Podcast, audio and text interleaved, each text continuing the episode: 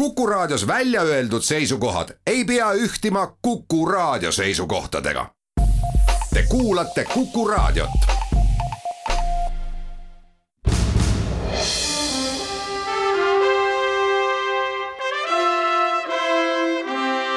vahetund Postimehega tere, hea Kuku raadio kuulaja, te kuulate saadet Vahetund Postimehega, mina olen Postimehe väitlustoimetaja Herman Kelomees. Postimehe esikaanel on täna üks väga kihvt lugu Tartu noormehest nimega Robert, kes käis Süürias sõdimas millise inimesega on tegemist, mida ta Süürias tegi, sellest räägivad meile selle loo autorid Sander Punamäe ja Erik Tikan saate teises pooltunnis. ja selle loo põhiline tuum tegelikult on võib-olla isegi paremini Eh, hoomatav eh, dokumentaalfilmis, eh, mis on kakskümmend kolm minutit pikk ja mis on juba praegu Postimehe veebist vaadatav. aga saate esimeses pooles räägime me taas Louis Freeh'st, Martin Helme palgatud nüüd juba endisest advokaadist, tema nüüd juba endisest advokaadibüroost Freeh, Sporkin and Sullivan ja selle büroo lepingust rahandusministeeriumiga. ja stuudios on meil selles teemas rääkima tulnud äh, uudistetoimetuse reporterid Anna Põld, tere Anna. tervist. ja Loora-Elisabeth Lomp, tere Loora. tere. Freeh, Sporkin and Sullivan tähistab kolme meest, kellest üks on meile kõigile juba teadaolev Louis Freeh teine neist on Stanley Sporkin, kes kahjuks selle aasta märtsis, kahekümne kaheksa aasta vanuses meie seast lahkus. tegemist oli vähemalt nii palju, kui Washington Posti järelhüüdest on võimalik lugeda ühe väga hea, professionaalse ja õigete asjade nimel võitleva mehega. tema kohta ühtegi halba sõna poleks vist öelda ka siis, kui, kui ta oleks elus ja saaks ennast kaitsta. iseküsimus on nüüd jah, Free äh, ja Sullivaniga seoses. me kirjutasime ka Postimehe laupäevases suurest, suures näos kõigist kolmest mehest Eugene Sullivanil peatume võib-olla pärast natukene hiljem, kui me mainime ühte faktikontrollis, äh, faktikontrolli rubriigis ilmunud lugu sellest, kuidas äh, Louis Freeh partnerid on seotud ühe kanepiäriga Californias, millega omakorda on seotud äh, mitu huvipakkuvat Vene oligarhi. Äh, kellest üks omakorda on seotud Swedbanki ähm, rahapesuga Eestis. Aga jah, sellest Freeh, Sporkin and Sullivanist saabki rääkida ainult nüüd ainsuses, ainult Sullivan on partneriks jäänud, Louis Freeh on sealt advokaadibüroost lahkunud. me saime selle teate mõned minutid pärast seda, kui Ähm, Marika Lillemets tegi äh, intervjuu Louis Freeh'ga. Äh, suur tunnustus talle selle eest, et ta selle intervjuu sai äh, aga me räägime täna saates kõikvõimalikel erinevatel Louis Freeh'ga seotud teemadel ja me hakkame pihta sellest, mis toimus riigikogu korruptsioonivastase komisjoni istungil või õigemini istungil, mida tegelikult ei toimunud. Anna, sina käisid seal, räägi meile, mis juhtus. ja enne kui ma räägin sellest konkreetsest päevast, siis ähm, meenutame natukene seda aegrida, mis äh, toimus enne seda, et nimelt siis eelmise nädala neljapäeval kutsusid riigikogu liikmed rahandusminister Martin Helme äh, siis äh, istungile. Tahtsid teada, mis on selle lepingu sisu. kuna see leping on kuulutatud siis asutusesiseseks kasutamiseks mm,. siis nad tahtsid kuulda selle eesmärkidest ja igasugustest asjaoludest, nagu ilmselt äh, ka paljud meist, sest äh, tuletame meelde, et tegemist on ju ikkagi maksumaksja raha eest äh, sõlmitud lepinguga ja kolm miljonit eurot ei ole väike summa. niimoodi, siis päev hiljem ehk siis reedel teatas, möödunud reedel teatas Helme nõuniku vahendusel, et tema istungil ei osale, sest kvoorum pole koos. ehk siis üle poole kummagi komisjonide liikmetest ei tule kohale. nii, ja kui me vaatame, et äh, nii riigikogu riigieelarve kontrolli kui ka korruptsioonivastases erikomisjonis on kokku viis liiget, kolm koalitsioonist ja kaks opositsioonist. siis, kui esmaspäevane päev siis kätte jõudis, läks nii, nagu Helme oli öelnud, et kvoorumit ei tulnud täis. ehk siis seal ei olnud kohal mitte ühtegi koalitsioonikus, koalitsioonisaadikut ja kui me teame seda, et äh, olukordades, kus näiteks riigikogu liige ei saa istungil osaleda, on tal võimalik saata asendusliige. või siis, äh, kui näiteks asukoht ei sobi, saab osaleda videosilla vahendusel. et sellest kõigest hoolimata ikkagi ei tulnud ühtegi koalitsioonisaadikut kohale, et äh, ma ei usu, et see on juhus et see viitab pigem kokkuleppele. ja siin võib öelda, et koalitsioon rullis niimoodi opositsioonist üle ja see on märkimisväärne, sest äh, tegemist on ju parlamentaarse kontrolli organiga. ja, ja ei maksa siis unustada, et kõrgem võim on ikkagi rahval. meid esindavad rahvasaadikud riigikogus ja kui rahvasaadikud kutsuvad ministri komisjoni siis aru andma, äh, on see kohustuseks ja on nagu, nagu öeldud, et see on koht, kus minister peab aega leidma. või kui tõesti ei saa, siis saatma asendaja, seda samuti Helme ei teinud. ja kui me siis vaatame, et miks siis parlamendisaadikud ei tulnud. Et üks põhjendas seda tervisemurega teine rääkis, et äh, tal oli parasjagu autoteenindus. aga noh, konkreetset koalitsiooni kokkulepet keegi siis otsesõnu ei kinnitanud, teisalt ei lükanud ka ümber. ja nüüd on siis küsimus, et miks seda asja edasi lükati et äh, selgelt äh, puudutas ju komisjon väga konkreetselt advokaadibürooga sõlmi-, sõlmitud lepingu detaile. ehk siis lihtsalt öeldes minister pidi aru andma nendele seni väga ebameeldivatele küsimustele tema jaoks, millele ta varem polnud niimoodi aru andnud. ja tõsi on ka see, et ilmselt oli parlamendisaadikutel ka palju täiendavaid küsimusi, sest nad olid enne istungit saanud tutvuda riigikantseleist ja välisministeeriumist saadud dokumentidega. ja kuna need dokumendid on, on asutusesiseseks kasutamiseks, siis nad ajakirjanikele sellest palju rääkida ei saanud ja küll aga nad said viidata ajakirjanduses seni ilmunud materjalidele ja neid ka kinnitada. nii et äh, esmaspäeval siis sellist äh, istungit äh, kui sellist ei toimunud, küll aga jah, tuli siis opositsioon kokku. Nad pidasid natuke nõu ja andsid ajakirjanikele pressikonverentsi, kus nad siis rääkisid nii palju, kui nad rääkida said. no sinna pidi kohale tulema ka Aivar Kokk. ja põhimõtteliselt eelmisel nädalal, kui ma noh Aivar Kokaga rääkisin, siis äh, tema meelest oli, on ikkagi selle lepingu ümber päris palju küsimusi. ja tema leidis, et just tuleks kokku saadagi. Äh, ootab, millal siis Riina Sikkut äh, saadaks talle selle kutse ja no tema siis see küsimus oligi, et miks mõni teine minister lepingu tausta ei uurinud. ehk siis nagu, kui ta eelmine nädal juba ütles, et ja, et äh, ma tegelikult ise tahaksin küll kohtuda, rääkida, mõista, mis toimub ja nüüd äh, esmaspäeval äh, siis äh, lihtsalt leidis ka vabanduse, miks mitte tulla. ja nagu ma aru saan, siis on rahanduskomisjoni juht pannud siis kõik panused enda komisjoni istungile, mis ta, mis peaks siis toimuma järgmisel nädalal. ja sinna, nagu ma aru saan, plaanib siis minister Helme minna no loodame, et sealt siis midagi toimub, et muidu jätab see natuke kahepalgelise mulje, et ühest küljest öeldakse, et suunake kõik küsimused Martin Helmele ja rahandusministeeriumile. siis kui neid küsimusi küsitakse näiteks Keskerakonna või Isamaa ehk koalitsioonipartnerite esindajatelt. aga samal ajal on see koalitsiooni kokkumäng, mis selle korruptsioonivastase komisjoni istungi kokku kukutas.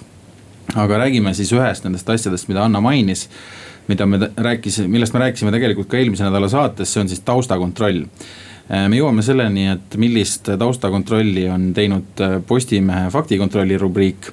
ja, ja pärast lühikest pausi me räägime sellest, et mida on siis praeguseks teada sellest taustakontrollist, mida tegi välisministeerium eesotsas Eesti saatkonnaga Washingtonis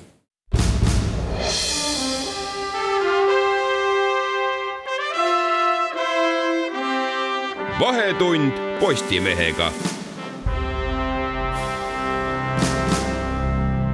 jätkub Vahetund Postimehega, me räägime Louis Freeh'st Postimehe ajakirjanike Hanna Põllu ja Loora-Elisabeth Lompiga. Ehm, me oleme siin teinud ise ka Louis Freeh'le taustakontrolli pärast seda, kui me saime teada, et äh, välisministeerium USA, USA-s asuva Eesti saatkonna isikus on teinud sedasama me oleme pikalt huvi tundnud selle vastu, mis sealses fakt-, taustakontrollis selgus, et meie faktikontrolli rubriik on siis välja selgitanud.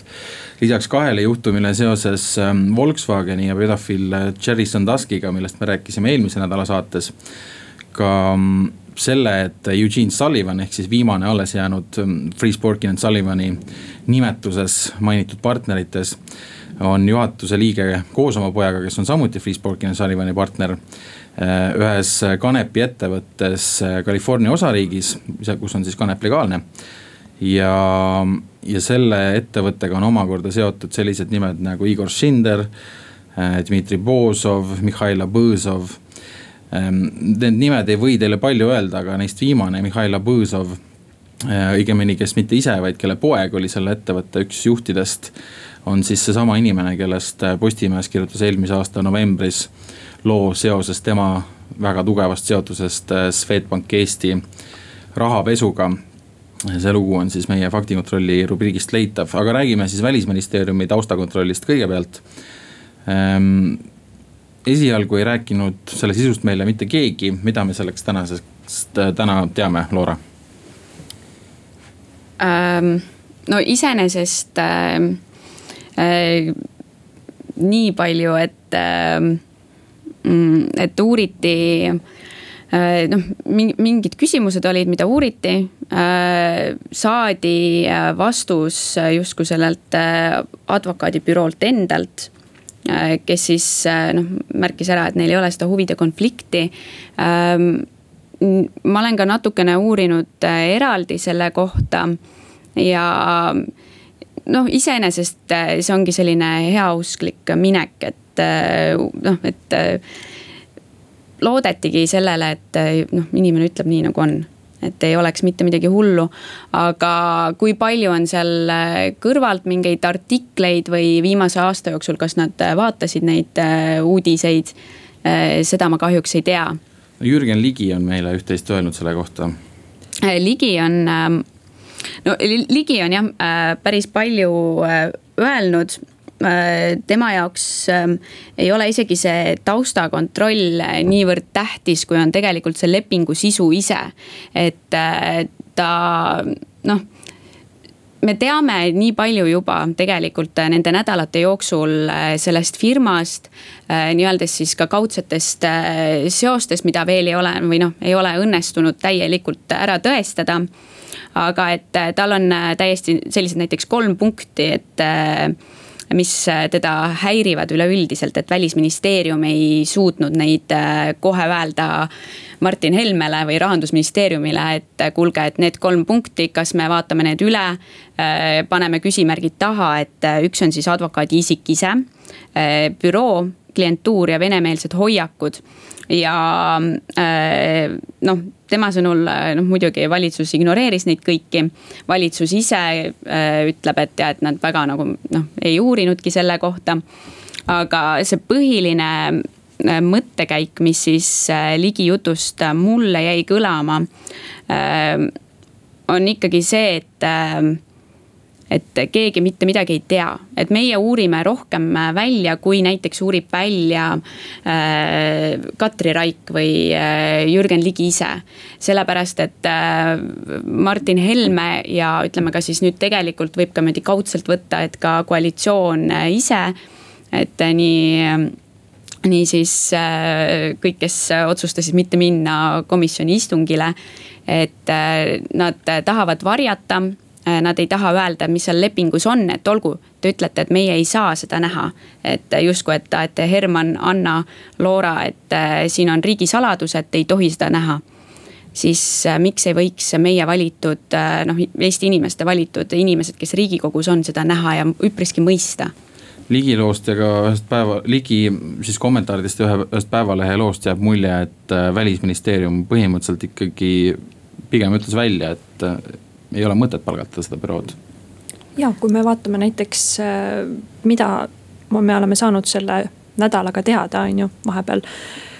siis ähm, kõige märgilisemad ongi need, et, äh, et sisuliselt ähm, võib öelda, et välisministeeriumi taustainfo hoiatas siis äh, Freeh büroo palkamisest. ning siis nagu kirjutab tänane Eesti Päevaleht, et selgub, et Louis Freeh meeskonnal on juurdepääs Eesti riigisaladusele et need on siis need kaks asja.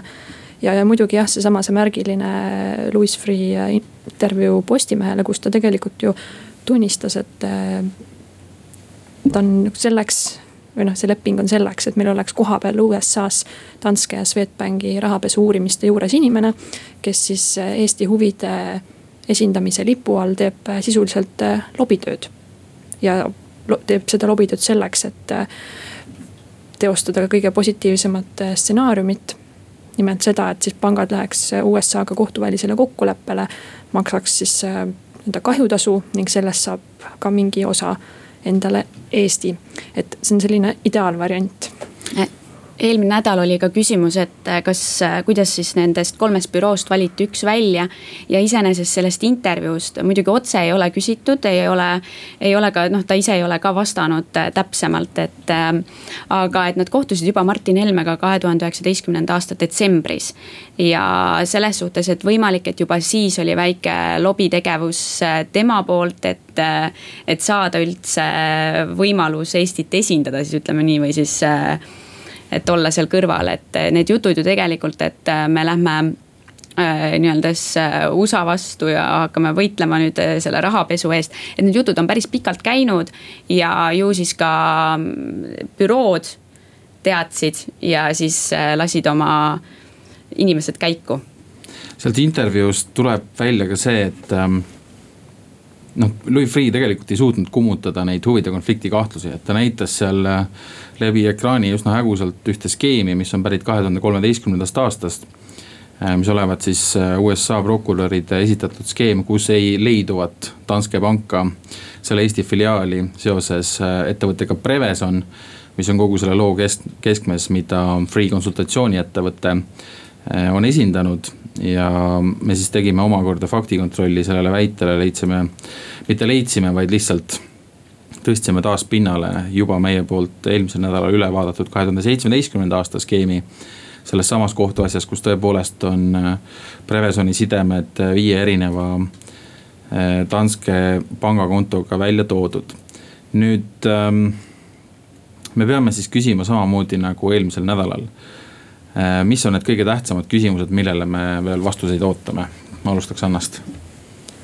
mina tahaks väga teada, et ähm, mis on see päris põhjus, miks siis näiteks äh, Louis Freeh oma endisest töökohast äh, lahkus et mis on selle taga, kuidas see mõjutab edaspidist Eesti esindamist, mis mõju sellele on, millised ähm, noh, kas seal on mingisugused konkreetsed põhjused, et selle kohta ja muidugi ka see leping et selle kohta tahaks rohkem teada.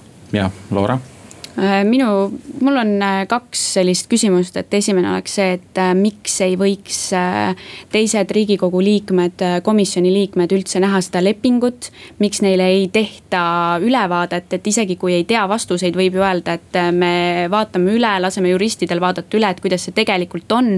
ja teine küsimus on siis seotud sellega, et kui nii väga ei, ei taheta rääkida sellest, et äh, justkui valmistatakse Martin Helmet ette äh, nüüd siis äh, rahanduskomisjoni ees rääkima et noh, tegelikult võiks öelda, et ja, et me vaatame kõike nüüd täiesti millimeeter haaval läbi.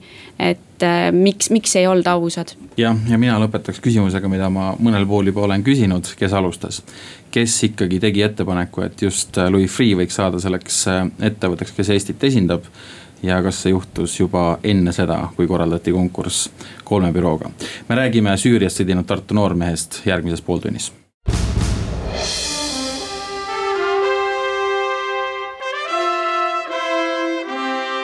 Vahetund Postimehega jätkub Vahetund Postimehega ja selles pooltunnis on minu külalisteks ajakirjanikud Sander Punamäe ja Erik Tikan, tere Sander. tervist. ja tere Erik. tere me räägime Tartu noormehest, kes läks Süüriasse sõdima.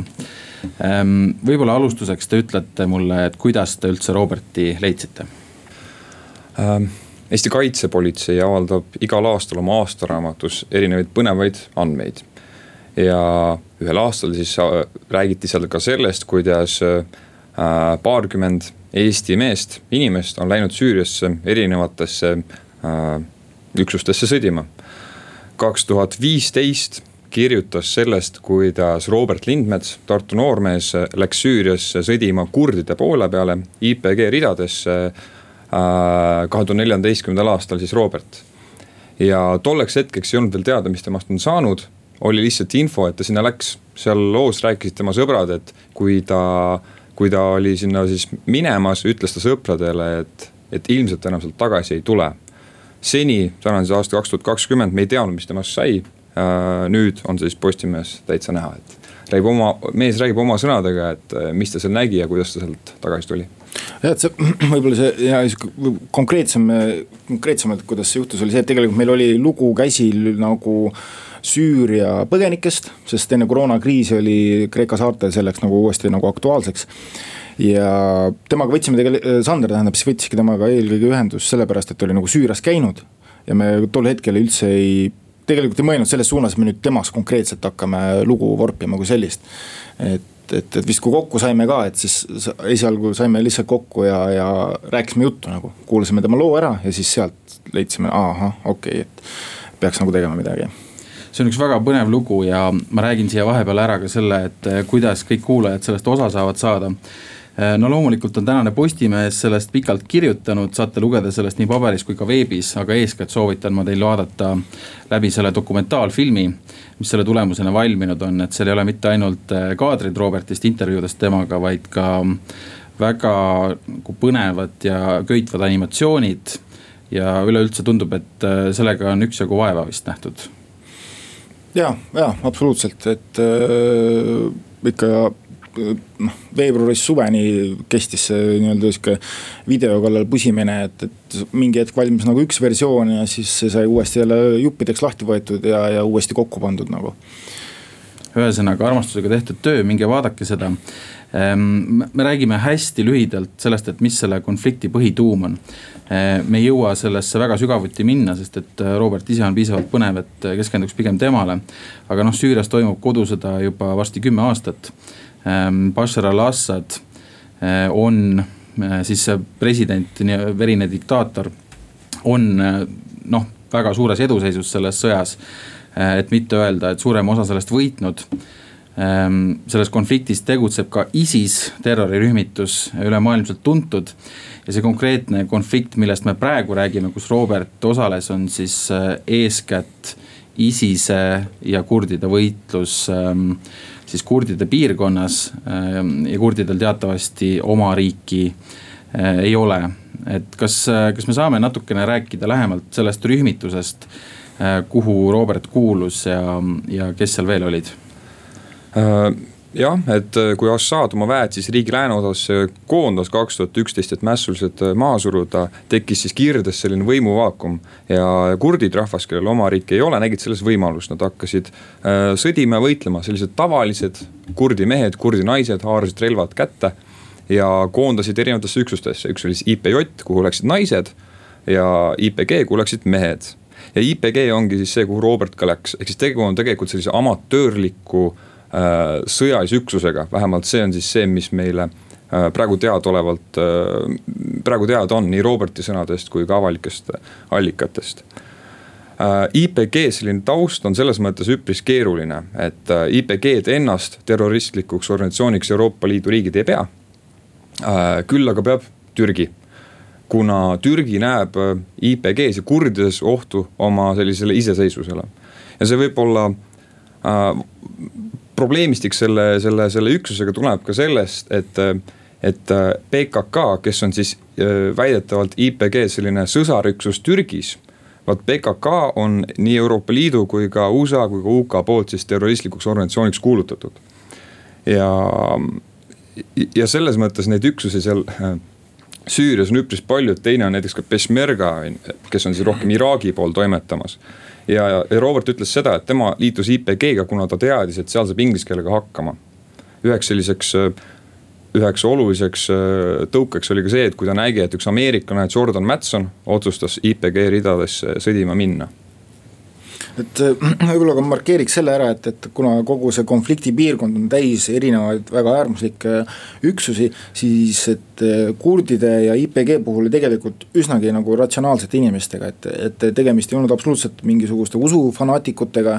Neil olid väga võrdsed õigused ja võimalused nii meestel kui naistel, nad olid väga nagu aktiivsed selle eest äh, nagu võitlemise poolest, et, et noh et nii-öelda siit kaugelt vaadates tunduvad nad kõik võib-olla nagu ühtemoodi, kuid tegemist oli tegelikult äh, nii-öelda või noh, täitsa nagu Eesti-laadsete inimestega täiesti tavalised, ei olnud usuhullud äh, mehed, mehed, naised, perenaised, pereisad hästi, aga räägime Roberti isikust natukene lähemalt ja võib-olla sellest loost, et kuidas ta sinna üldse sattus, et kuidas talle see mõte esimest korda tekkis ja kuidas ta lõpuks selle otsuse langetas?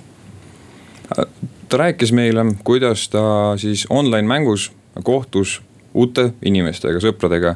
Nemad olid pärit siis valdavalt Venemaalt ja, ja nad hakkasid seal suhtlema, koos mängima, ühel hetkel siis need nii-öelda uued sõbrad ütlesid, et saame kokku, saame Valgas kokku ja sealt nende selline sõprus, tihedam sõprus arenes, käisid koos kalal, käisid matkamas.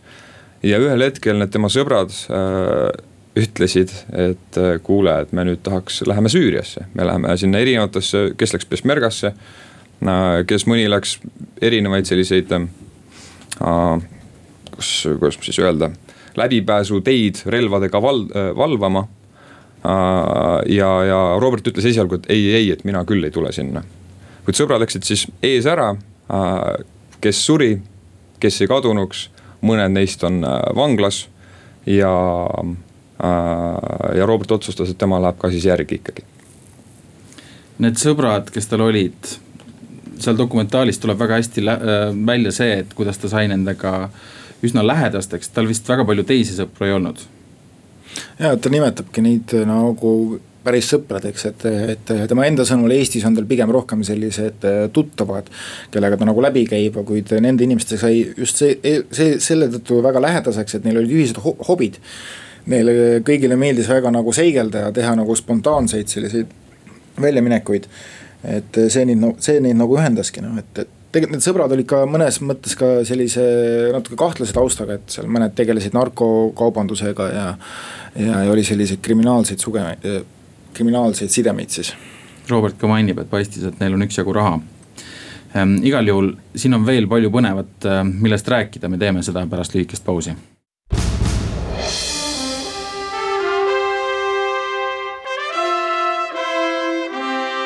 Vahetund Postimehega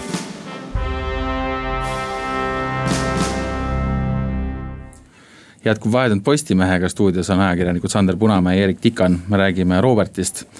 Eh, kes on Tartust pärit noormees, kes sattus mitmeteks kuudeks Süüriasse võitlema. ja me läheme edasi selle koha pealt, et eh, sealt dokumentaalfilmist jääb selline mulje. et eh, Robert on selline suhteliselt introvertne kutt, tal on pigem vähe sõpru, aga ta lõpuks leiab endale sõbrad, aga igal juhul ta on selline noh, kindlasti keskmisest rohkem endasse tõmbunud, aga seal lahinguväljal tundub, et ta nagu mingil määral leiab ennast või et ta tunneb ennast seal mugavalt, ta ei kohku teatud asjades. Eh, kuigi need on kohati päris õudsad ja ta on üldse selline külma kõhuga kutt, et kuidas seda seletada, selline introverdist külma kõhuga kutt? Jah, võiks lihtsalt lihtne vastus on see, et see on tema selline isikupära.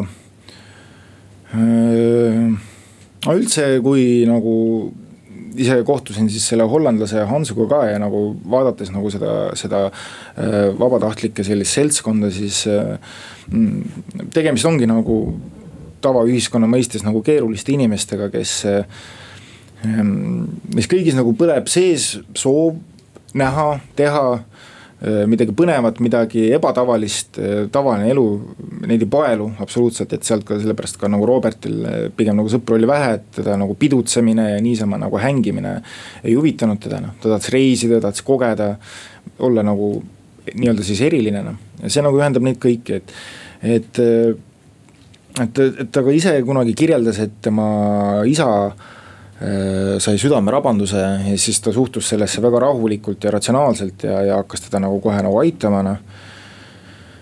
Äh, küsimus oli siis, et kuidas ta et kuidas nagu seletada seda tema iseloomu või, või võib-olla see ongi hea hetk rääkida sellest, et millised olid need tema võitluskaaslased seal. millise taustaga nad olid, mis riikidest ja kuidas neid kirjeldada? jah, et see taust oli nagu erinev, et seal oli nagu endiseid äh, professionaalseid sõdureid, on ju kelle kohta ma siis ütleks, et kes läksid kindlasti oma sellist äh, sõjajanu sinna kustutama. oli siukseid seiklejaid, oli. Äh, ma arvan, et Robert pigem ongi see seikleja ja, ja siis oli ka seal noh, puhtalt vaimuhaigeid inimesi nagu, et kes, kes kogu, kogunesid kokku. Äh, jah aga võib-olla peatume korraks sellel Hollandi mehel, keda näeb ka üksjagu seal dokis. et ähm, kellega tegemist on?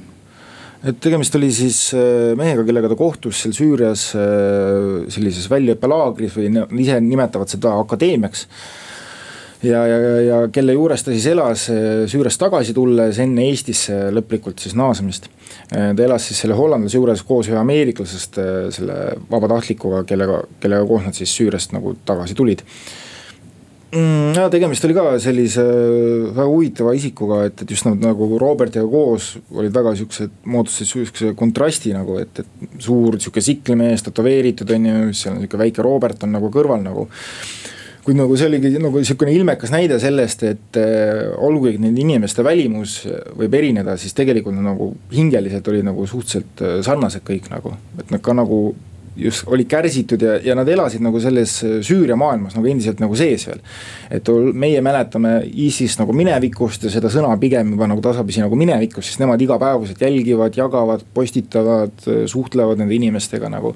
et see nagu, nende jaoks see võitlus on nagu endiselt igapäevaselt nagu aktuaalne jah, see, see võib-olla väikene vastuolu, mis sa välja tõid äh,, oli, tiksus minu peas ka päris pikalt selle loo tegemise ajal aga ma lõpuks seletasin selle enda jaoks välja nii, et, et Robert ise ka ütleb, et äh, tal on selline sotsiaalne häire, et, et ta selliseid rahvarohkeid kohti ei talu. aga samas ta läks siis sinna sõjarindele, kus ta peab tahes-tahtmata olema oma kaas-, kaaslastega kõrvuti. aga selli-, aga see oli tema jaoks nagu väljakutse, mida ta tahtis ära teha, et tõestada endale ees, eeskätt, et ta seda siiski suudab, kui on vaja ja selliseid väikseid väljakutseid ta võttis endale ka juba enne sinna sõtta minekut, et ükskord ta jalutas kolmkümmend kilomeetrit Tartust Al Alatskivisse lihtsalt, et näidata, et ma seda suudan. ja ka see intervjuu andmine meile oli tema jaoks selline väljakutse. et, et võib-olla siit see, see, see vastus seal natuke ka peitub, et, et kuidas üks inimene, kes on introvertne ja külma kõhuga äh, äh, läheb sõtta, kus sa ei saa väga introvertne siiski olla kohati jääb mulje, et ta tundis ennast sõjas mugavamalt kui intervjuud andes. absoluutselt ehm,. no mõned nendest äh, rühmitusega võidelnud inimestest, no vähemalt selline mulje jääb sealt dokumentaalfilmist, siis kui Robert oma Hollandi sõbraga vestleb. Äh, nad Suurbritannias istuvad vangis, et mida siis Eesti võimud tema tegevusest arvasid, kui, äh, kui Robert tagasi tuli mm.? kui Robert bussi, Riia bussilt siis Tartusse jõudis, siis Tartu bussijaama tervitasid teda seal äh, kaitsepolitsei ametnikud. kes äh, panid ta bussi peale, panid ülekuulamis või noh, tooli ja üheksa tundi äh, küsiti küsimusi, mis sa seal tegid, miks sa seal käisid ja, ja seda siis väga põhjalikult. Roberti enda jutu järgi ei olnud see kuidagi üldse selline noh, ta ei, ta ei tundnud ennast väga ülekuulatavana, et ta pigem vestles ja temalt taheti täitsa sõbralikult teada, miks sa sinna läksid, mis olid sinu motiivid ja üheksa tundi sai läbi, inimene lasti koju, süüdistusi mitte midagi ei järgnenud ja üks noh, mis see siis miks siis niimoodi läks, oli ikkagi lõpuks see, et IPG ei ole terroristlik organisatsioon äh, Euroopa Liidu riikide hinnangul. ja, ja vastuselt ma loeksin võib-olla siis ette sellise tsitaadi, et kapo poolt. et meile seni teadaoleva teabe põhjal pole me tuvastanud, et oleks konfliktipiirkonnas viibides pannud toime terrorikuritegusid või muid kuritegusid ja, aga võib-olla mõne asja räägiks lahti siis, mida ta võis kapole ka rääkida, et mida ta täpselt seal äh, tegi, millistesse olukordadesse ta Süürias sattus? ja, et äh, noh, et tege-, tegemist oli ikkagi nagu sellise väga brutaalse sõjaga ja need sõjamanöövrid ja, ja see sõja käekäik äh, ei jää kaugele nagu olemuslikult teisest või esimesest maailmasõjast et see seade puutus seal nagu kokku kõigega, eh, mis, mis paratamatult sellisel, sellises kohas nagu tuleb, et. et puutus kokku kaaslaste langemisega, haavatutega, surnute näol ja, ja, ja ise ka puutus kokku kokku ka selle olukorraga, kus ta siis nii-öelda nägi vastast läbi relvasihiku ja, ja oli ja pidi päästikule vajutama ta oli väga aus nende olukordade kirjeldamises, et, et ta kindlasti ei kelkinud ühegi, ühegi teoga.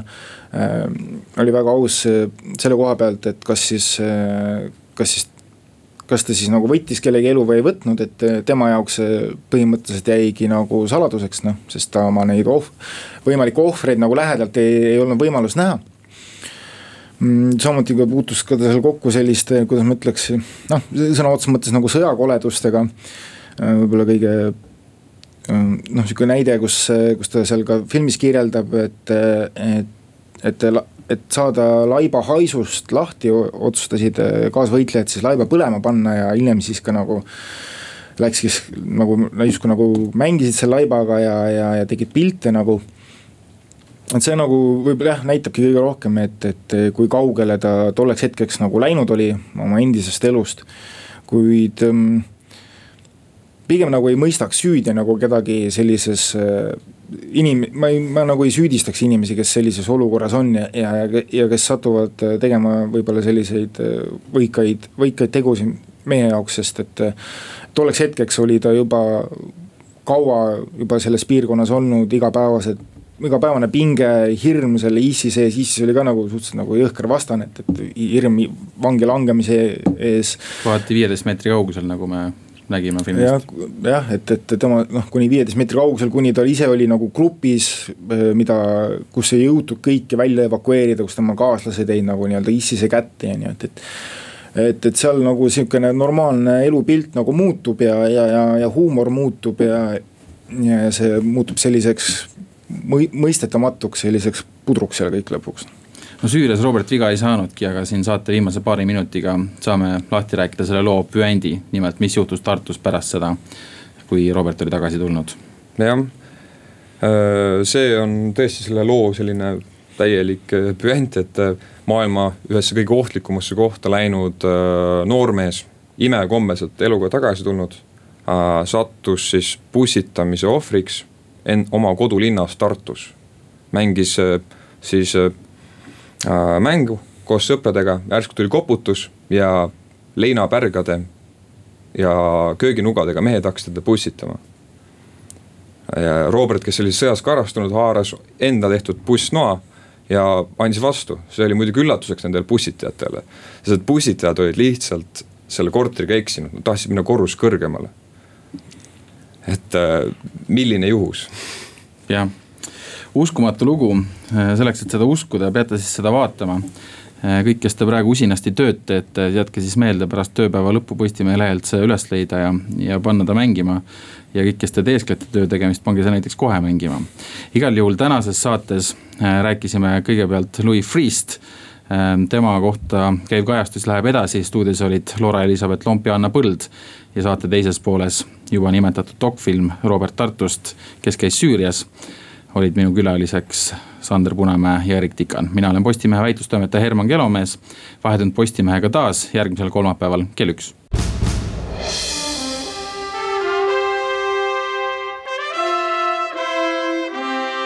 vahetund Postimehega